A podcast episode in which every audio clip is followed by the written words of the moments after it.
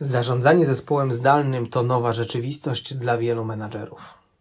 Wielu szefów próbuje po części pozostać w starym systemie zarządzania zespołem i przenieść utarte nawyki, schematy do wirtualnego świata, do wirtualnych zespołów. Próba przeniesienia dotychczasowych schematów i wykorzystanie nawyków, które już mamy, może dawać pewnego rodzaju poczucie bezpieczeństwa bo przecież pozwala wykorzystać już zdobytą wiedzę i doświadczenia, poruszać się przynajmniej częściowo w znanym środowisku. Wielu menadżerów wierzy, że zarządzanie zespołem zdalnym jest dokładnie takie samo jak zespołem lokalnym. Nic bardziej mylnego. Największym wyzwaniem jest aktualnie porzucenie przynajmniej części utartych schematów związanych z zarządzaniem zespołem lokalnym i przestawienie się na nową rzeczywistość. Od czego warto zacząć? Właśnie o tym będzie dzisiejszy odcinek. A przy mikrofonie razem z Tobą Marcin Szpak.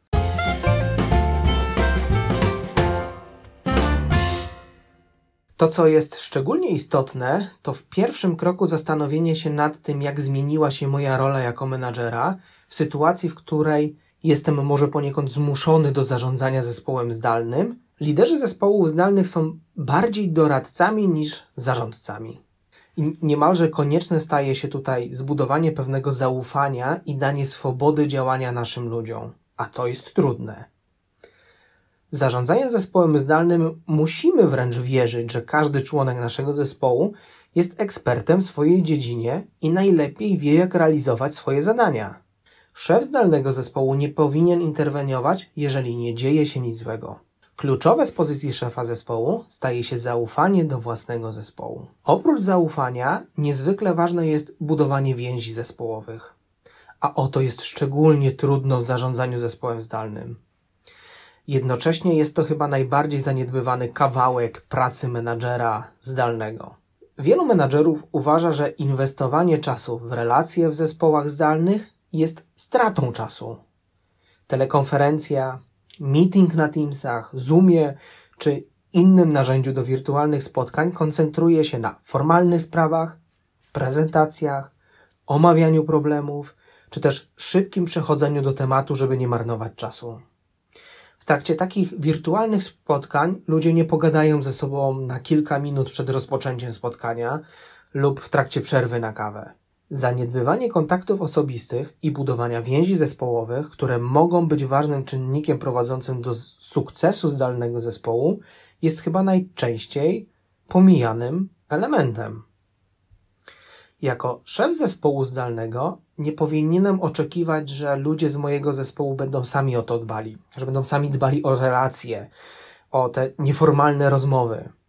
Idealnym rozwiązaniem byłoby organizowanie co jakiś czas takiego realnego, powiedziałbym prawdziwego spotkania nieformalnego z, z całym zespołem. Jednocześnie no nie zawsze jest to możliwe ze względu chociażby na sytuację, w której jesteśmy, na realia, które panują wokół, w których funkcjonujemy, sprawy organizacyjne, czy nawet budżet. W takim przypadku niemalże konieczne jest przynajmniej jedno wirtualne spotkanie nastawione na nawiązywanie kontaktów osobistych i wzajemne poznawanie się członków zespołu.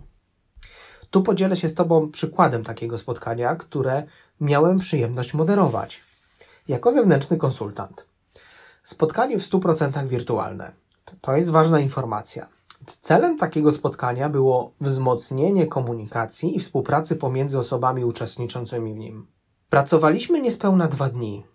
Proponowałem uczestnikom różnego rodzaju zadania, ćwiczenia, których celem było wzajemne poznawanie się. Nawet nie wiesz, jak dobrze to zapracowało jak bardzo ludzie się otworzyli i byli zainteresowani poznawaniem siebie i innych, jak chętnie dawali poznawać innym siebie samego. Jestem w pełni przekonany, że dobra struktura takiego spotkania jest inwestycją. Pozwala na osiągnięcie bardzo podobnych efektów jak podczas tradycyjnych spotkań. Na tyle dobrze nam to wyszło, że teraz powtarzamy podobne spotkania cyklicznie z kolejnymi zespołami u naszego klienta. Podsumowując, im lepiej znamy członków naszego zespołu i im lepiej oni znają siebie, tym lepiej możemy ich wspierać i kierować pracą na odległość. Nadmierna kontrola to zła droga, no ale jak się upewni, że nikt nie unika pracy? Wiele aktualnie wykorzystywanych metod zarządzania wywodzi się jeszcze z poprzedniej epoki, w której to głównie chodziło o to, by pracownicy utrzymywali produkcję, poprawiali wyniki w określonym czasie. Do tego służyły mechanizmy kontroli, rozliczania pracowników z zadań, pilnowania, by siedzieli w pracy od 9 do 17 i nie przekraczali przerw, które mają w ramach dnia pracy. W rzeczywistości wirtualnej dużo bardziej niż fizycznej pracy i rąk pracowników potrzebujemy ich umysłów, ich wiedzy. Nie ma kompletnie najmniejszego znaczenia, czy ja swoją pracę wykonuję leżąc w hamaku, siedząc w fotelu, czy siedząc przy biurku.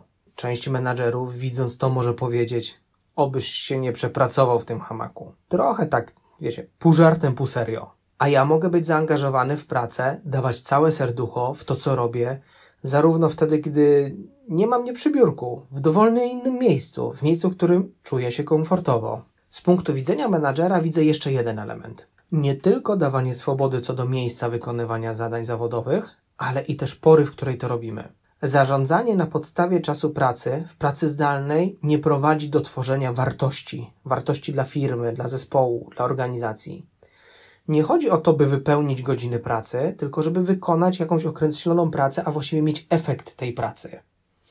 Trochę chcę przez to powiedzieć, że w zarządzaniu zespołem zdalnym nie ma potrzeby kontrolowania, czy ktoś jest fizycznie obecny w pracy, tylko czy osiągnął postawiony przed nim cel. I to niezależnie, w jakich godzinach to zrobi. Oczywiście, jak we wszystkim, potrzebny jest umiar i zdrowy rozsądek, bo na przykład dostępność dla klientów czy współpracowników również ma znaczenie.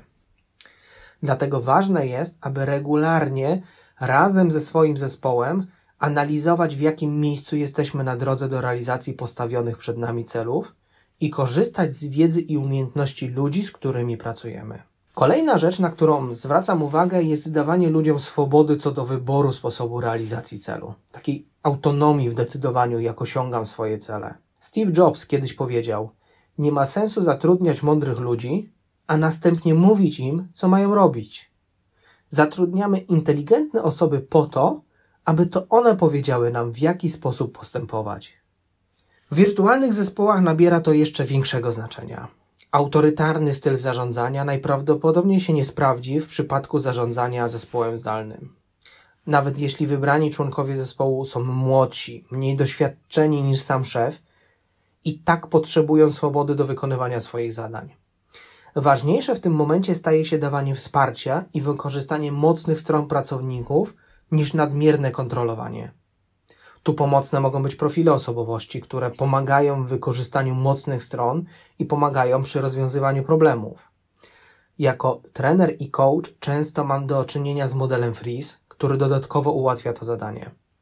Sama wiedza na temat stylu myślenia pracownika pomaga określić obszary, w których możemy wykorzystać jego mocne strony, pozwala również dowiedzieć się, jak pracownicy mogą reagować w obliczu nowych wyzwań i co jest dla nich ważne, by sprawnie funkcjonować. Wykorzystanie technologii w pracy z zespołem. Dzisiejsza technologia umożliwia nam komunikację i współpracę z różnych części świata, kraju. Dostępne rozwiązania umożliwiają pełną komunikację. Jedyne, czego nie możemy, to nawiązać kontaktu fizycznego i czuć zapachów czy też temperatury. No, chyba że możemy, a ja po prostu jeszcze o tym nie wiem, albo mój sprzęt tego nie obsługuje. Jednocześnie każda technologia jest na tyle dobra, na ile dobrzy są ludzie, którzy z niej korzystają. To, o co warto zadbać, to oswojenie ludzi z formą komunikacji i wykorzystaniem technologii.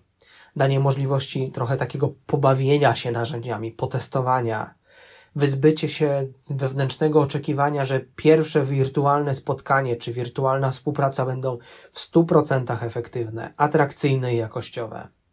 Na to potrzeba zwyczajnie czasu i możliwie częstego obcowania z nowymi narzędziami. Z czasem ludzie zaczną odkrywać nowe możliwości i wykorzystywać je do usprawnienia komunikacji, współpracy i realizacji założonych celów. Jakie narzędzie możesz do tego wykorzystać? Na początek warto skorzystać z łatwo dostępnych komunikatorów, które mają przeróżne funkcjonalności.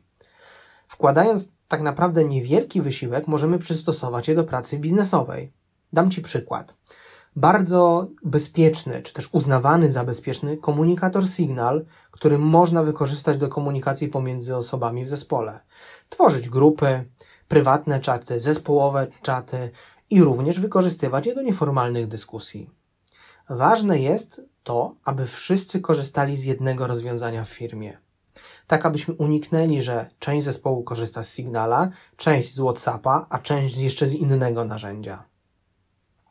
Dodatkowo w pracy zdalnej i do zarządzania zespołem zdalnym możesz wykorzystać wirtualne tablice, narzędzie do zarządzania przepływem dokumentów i wrócę do tych tablic wirtualnych jeszcze na chwilę, bo, bo to właśnie one doskonale sprawdzają się podczas telekonferencji, w trakcie których uczestnicy mogą w czasie rzeczywistym pracować nad jednym dokumentem, nad jednym projektem.